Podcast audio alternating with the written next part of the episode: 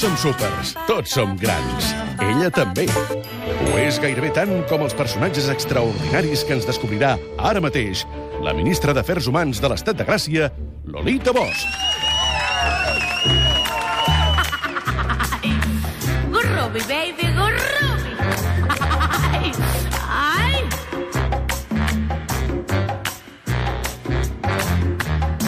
Never Crec que és la primera vegada... Tu no saps com t'han de, baixar la- t'han de baixar el micro cada cop que comença la secció. No pot ni veure, té l'ampolla mig oberta i no pot ni veure. Anava a dir que crec que és la primera vegada que la música de la Lupe ens va, ens va molt lligada amb, amb el tema, perquè avui parlarem d'esclavisme de, de, d'esclavisme i parlarem d'arrels i parlarem de... Jo ric perquè, perquè a, No quan dir- el Gurrubi... No em deixa dir res! Em mira com de, com, com de viaix, que es diu, molt més, molt més bonica de Raül. Em mira així com de viaix, com dient, no diguis, hòstia, no Sí, home, diguis. sí. Diu el que vulguis, però lluny. Vés-te'n a Cerdanyola, perquè entra igualment pel micro. Va, cambio de música, por favor. Give me a number now. And he said, what's your number?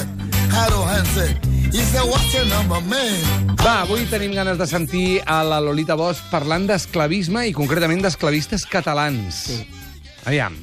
Mira, jo... Um, la setmana passada em vas dir que havies llegit una entrevista i he estat pensant aquesta setmana quina hauria de ser i és una que m'han fet a crític, l'Albert Forns, que és, que és un ah, tio exacte, sí. molt, molt, molt intel·ligent i molt interessant, i ell m'ha fet una entrevista, ara no, no faig propaganda de mi, sinó de crític, m'ha fet una entrevista amb molt profunditat i tal, i el, el titular que ha triat és que, ara no me'n recordo com va, eh, però una cosa així com sempre m'he sentit incòmode per formar part, per haver nascut a la classe alta. Jo vaig néixer a la classe alta catalana, és així com una mica, hola, me llamo Lolita, soy de la classe alta, hola, Lolita. I això, que es podria normalitzar amb molta, amb molta tal, i dir, bueno, mira, jo vaig néixer a la classe alta i després vaig tenir la sort de tenir una mare feminista que em va educar i, i, i d'una tata a casa dels meus avis que també em va educar i de que el meu pare era molt lector i de que la meva àvia era molt carinyosa i tal, i la, per la part paterna, dic, eh?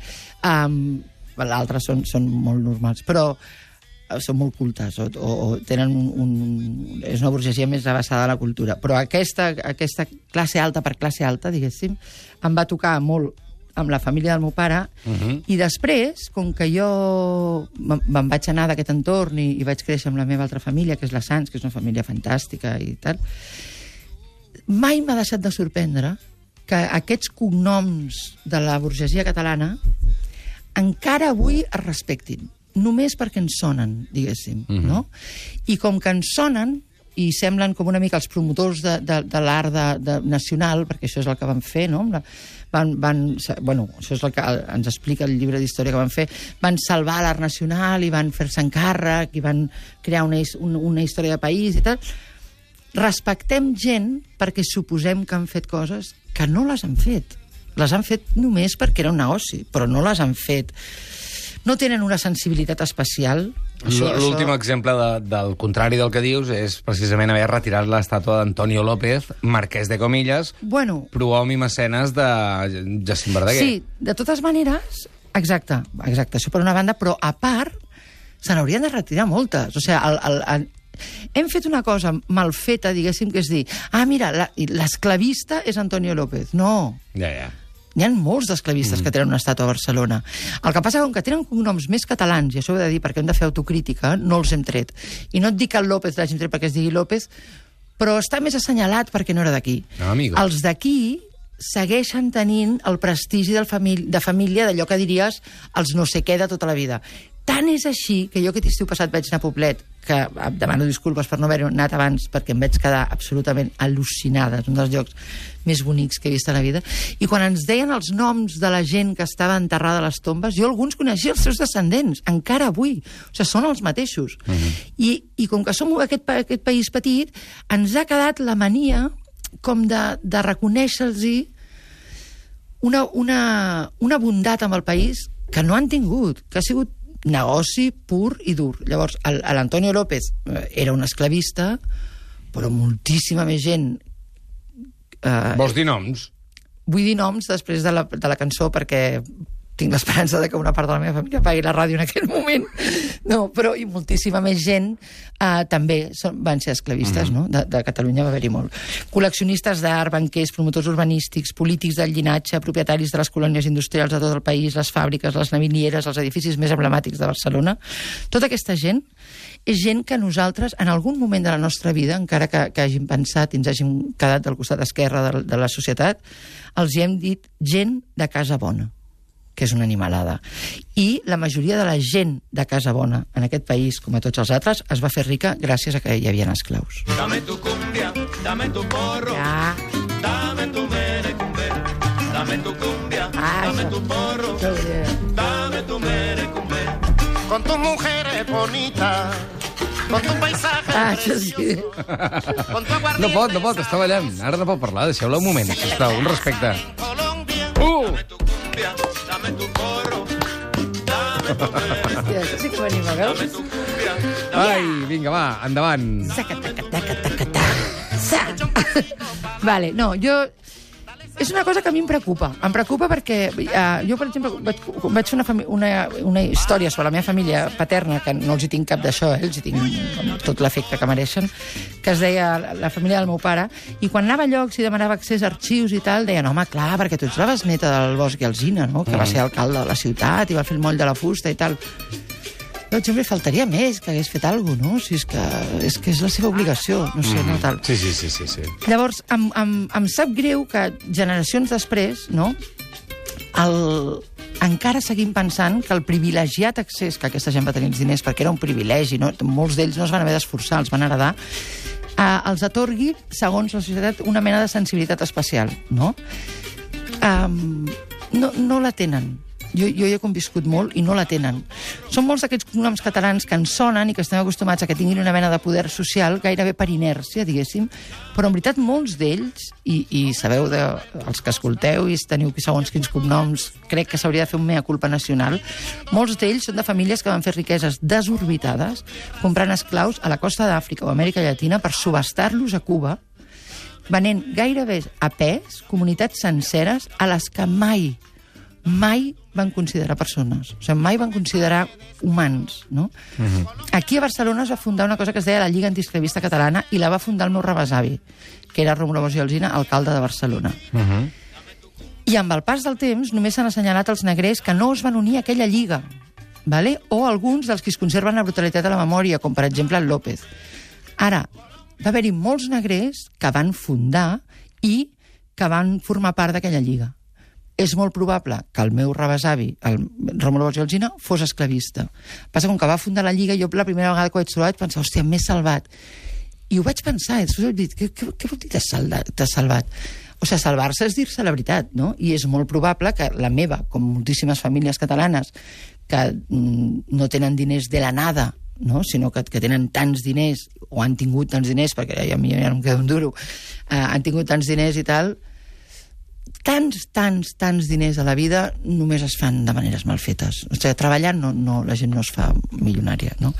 Aquí es va fundar, us deia, la Lliga Antisclavista Catalana, però això no vol dir que uns que estiguessin en el els que formessin part de la Lliga i els que no fessin coses diferents. No? S'hauria de saber ara, i se sabia abans, encara que ningú no ho comentés mai en públic, que feien molt, moltes vegades el mateix. I, és a dir, que moltes fortunes del segle XIX, que semblaven inesgotables, s'havien fet sobretot mm -hmm. comerciant amb gent i comprant vaixells, fàbriques, territori i obres d'art robades, que és un tema del que un dia vull parlar Home, doncs sí. aquí a la ràdio, perquè és un tema que a mi em té totalment obsessionada. Penseu que Anglaterra, França i Holanda acabaven de prohibir l'escla- l'esclavatge a les seves colònies d'ultramar. Sí. Als Estats Units s'havia aboli- abolit l'esclavatge al territori nacional i Espanya, Portugal i Catalunya van veure el negoci Clar. i es van apoderar d'aquell pertorbador eh, de- mercat que ja estava organitzat, perquè l'havien fet Anglaterra, França i Holanda a- a- al mar, diguéssim, i van fer tractes comercials, sobretot amb Cuba, que aleshores era una colònia espanyola. Per tant, quan, quan Anglaterra, França i Holanda, que tampoc els honora, però quan van decidir prohibir l'esclavatge, quan es va abolir als Estats Units, molts catalans, molts espanyols i portuguesos també, però molts catalans van dir ahorita és cuando, i es van fer esclavistes. I això és molt bèstia. Mm. És, és una animalada. Sí, sí, sí. sí. I nosaltres no ho considerem com un llegat històric. Ho hem personalitzat tot en el López, i no és just. A los cubanos,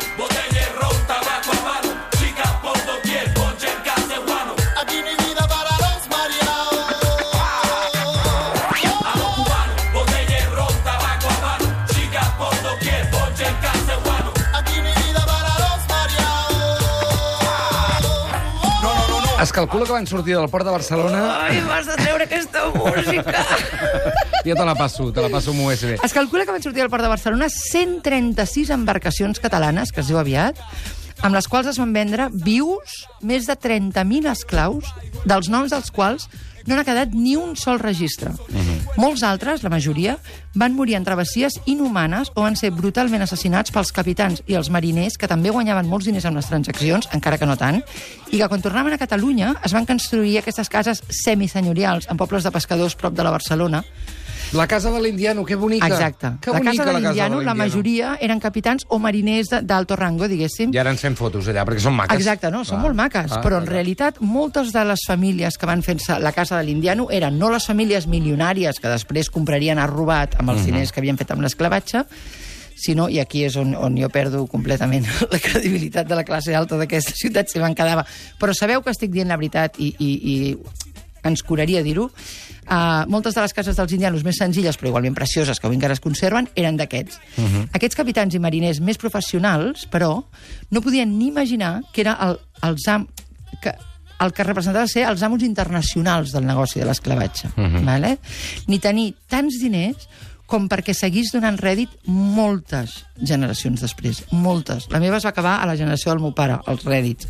Però n'hi ha algunes que, que ho han invertit millor o, o, o en tenien més o que sigui i ha, i ha seguit. I nosaltres els hem respectat perquè tenen diners.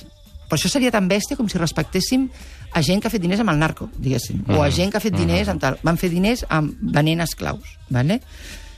Tot i que nosaltres, com a societat, amb prou feines en parlem, aquí a Catalunya és un tema molt, molt, molt tabú, i que moltes famílies benestants de la ciutat um, tenen la sensació D'estar bé, sí. sí, a, de, de, que, de que es manté intacte De ser intocables, no? de ser una mica intocables, de que es manté intacte el prestigi dels seus avantpassats. A mi moltes, moltes vegades quan em diuen, quan, sobretot quan vaig fer aquest llibre, hòstia, però ets la besneta del Bosch i Alzina, i tal, vaig dir, escolta, el Bosch i Alzina era un tio que va fer la seva feina, diguéssim, va, va desallotjar 10.000 persones del carrer Ample, no els va donar un altre, no els va donar un lloc on anar, uh, l'admires, però, bueno, és que va col·laborar fent el cercle del Liceu i va fer la Lliga Anticlavista. Bueno, tenia pasta, és que la seva obligació era fer coses per la ciutat. Bueno, I al final la cultura també neteja molt el nom. Exacte, totalment Blanqueja molt el blanqueja. personatge. No, no, i, blan i blanqueja el personatge i blanqueja els diners, que en aquella època no era necessari, però en aquesta època ho seria. Mm. -hmm. vale, llavors, el, el... Però clar, si estava prohibit, com podien fer esclavatge? Ho feien dissimuladament, ho feien... Sí. Eh, us, eh, enganyaven. per això no hi havia, per això no ha quedat registre a Catalunya,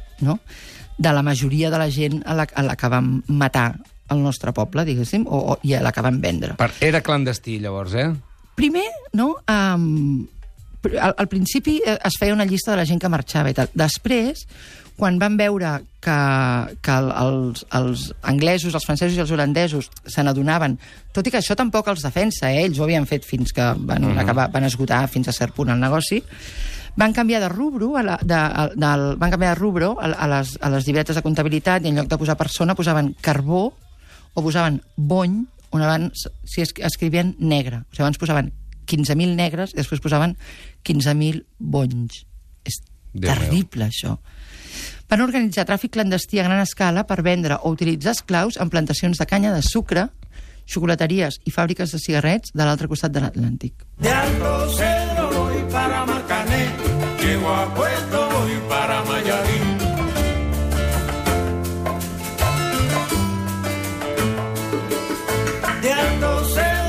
L'altre dia llegia números i parlaven ben bé de gairebé 15-16 milions de persones en global, eh, des de que comença l'esclavatge a la costa d'Àfrica, però després s'ha de tenir en compte tots els que es maten i no s'acaben, és a dir, les no guerres arriben. internes, els que no arriben a, Clar. a ficar dintre el barco, els que moren durant la travessia, i després el, el llegia que l'esperança de vida, un cop arribats, per exemple, a la República Dominicana, a Cuba, 40. on sigui, 40%... Ai, No, 40 anys, A 40 40 anys, anys. als 40 sí, anys, vull dir, sí. és, és una, és una barbaritat. Bueno, és la diferència que hi ha... I els havien d'anar reposant perquè Clar. morien. És que no podien És la aguantar. diferència que hi ha entre un cavall que uses per treballar al camp i un treball que uses per fer equitació, mo- mor abans el del camp, diguéssim, no?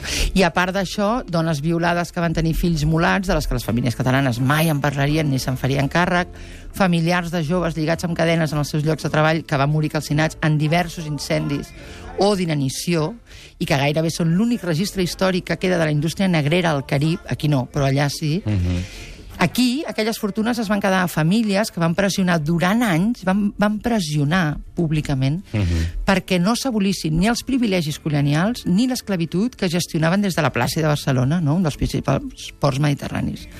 Avui amb prou feines en parlem i relacionem els descendents d'aquelles famílies amb aquelles atrocitats. I això eh, és el, és el, el que a mi em sembla greu, diguéssim. El seguim anomenant gent de casa bona, tot i que podríem resseguir la seva vinculació amb el tràfic humà, amb, així de, de, de bèstia, amb el tràfic humà perquè van apadrinar les grans construccions que, s'estaven com- que estaven convertint Barcelona en la metròpoli europea um, de, la, de la que se'n on ens enorgullim, no? sí. Sí. I van comprar l'art del país en una altra operació de trànsit que va buidar les esglésies dels Pirineus, els seus extraordinaris murals romànics, pels quals jo tinc una, una obsessió, eh, que amb els diners dels esclaus després van anar i van robar l'art, diguéssim, i van dir que el compraven, no? Però això ja ho faré un altre dia. De fet, la seva avarícia, diguéssim, va arribar tan lluny, el negoci va arribar tan lluny, i, i, que quan no van tenir manera de vendre més negres, van vendre gallecs, irlandesos, xinesos i canaris.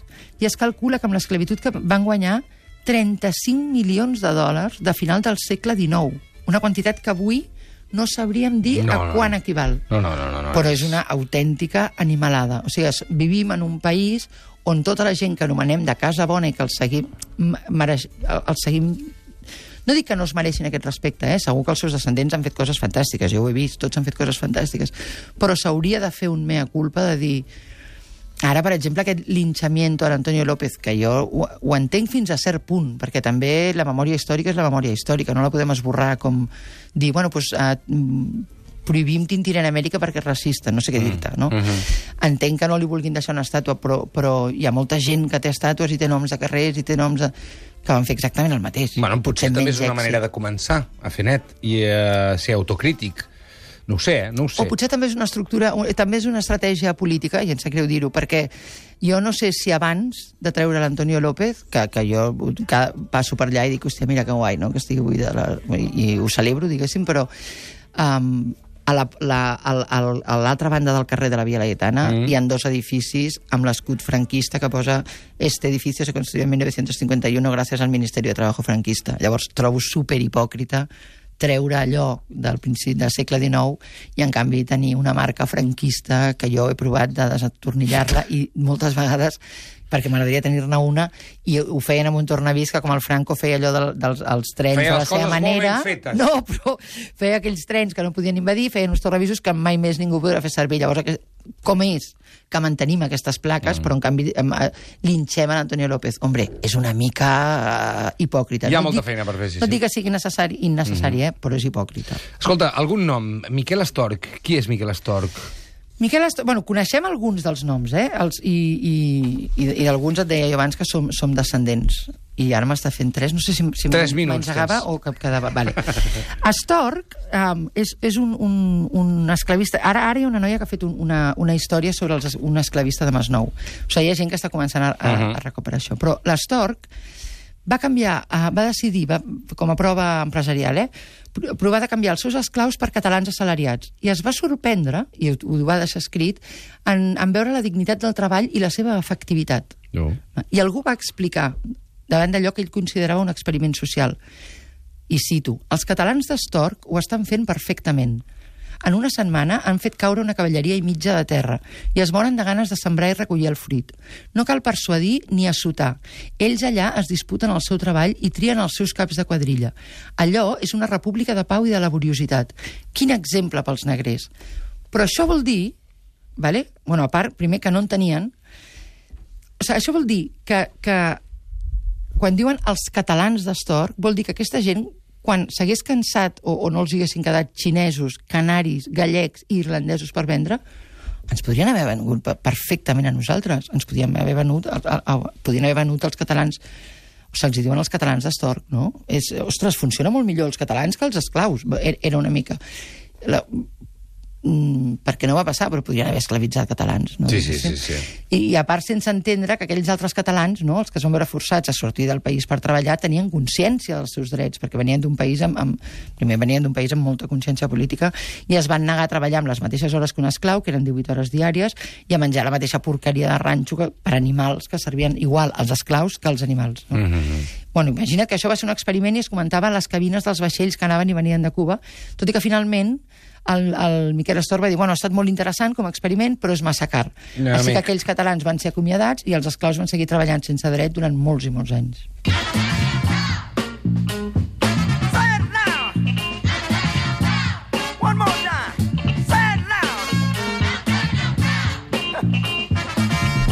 Després, una mica, ja sabeu com va anar la història. Acabo rapidíssim, ja sé que em queda poquíssim, però, um, de fet, el tràfic d'éssers humans ni tan sols es va veure afectat per la lluita per la independència de Cuba, no? on van seguir funcionant enginys sucrers que explotaven estrangers rics on hi treballaven homes i dones comprats, de tal manera que la guerra de Cuba va esdevenir una reali en realitat va ser una insurrecció, una insurrecció sí. antiesclavista que va vèncer i els terratiners catalans van tornar a casa on els esperaven sacs de diners que semblava que no havien d'acabar-se mai. Però qui es va rebel·lar a Cuba van ser els esclaus, finalment.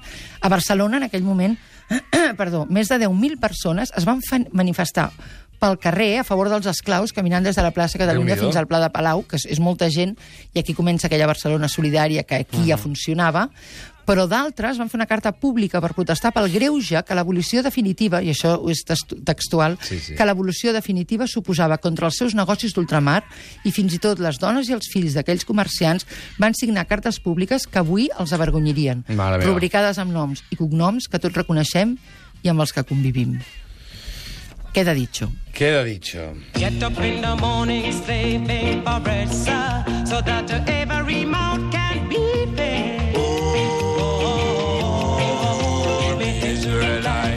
Una altra història extraordinària de la Lolita Bosch, en aquest cas una història que encara ha d'evolucionar, eh, que passa encara pel perdó, pel penediment, per la memòria històrica i per moltes altres coses. I per una memòria històrica que, que jo, jo sóc mm, una, una, una fèrrea defensora i, i treballo per la memòria històrica. Però la memòria històrica no pot ser rentar-nos la cara. La memòria històrica ha de ser una cosa de penediment, de demanar disculpes, a qui li devem disculpes, vam vendre canaris, vam vendre gallecs... O sigui que no podem dir en plural nosaltres hem fet no sé què, si no estem disposats a dir en plural nosaltres hem venut 35.000 persones. Moltes gràcies, Lolita.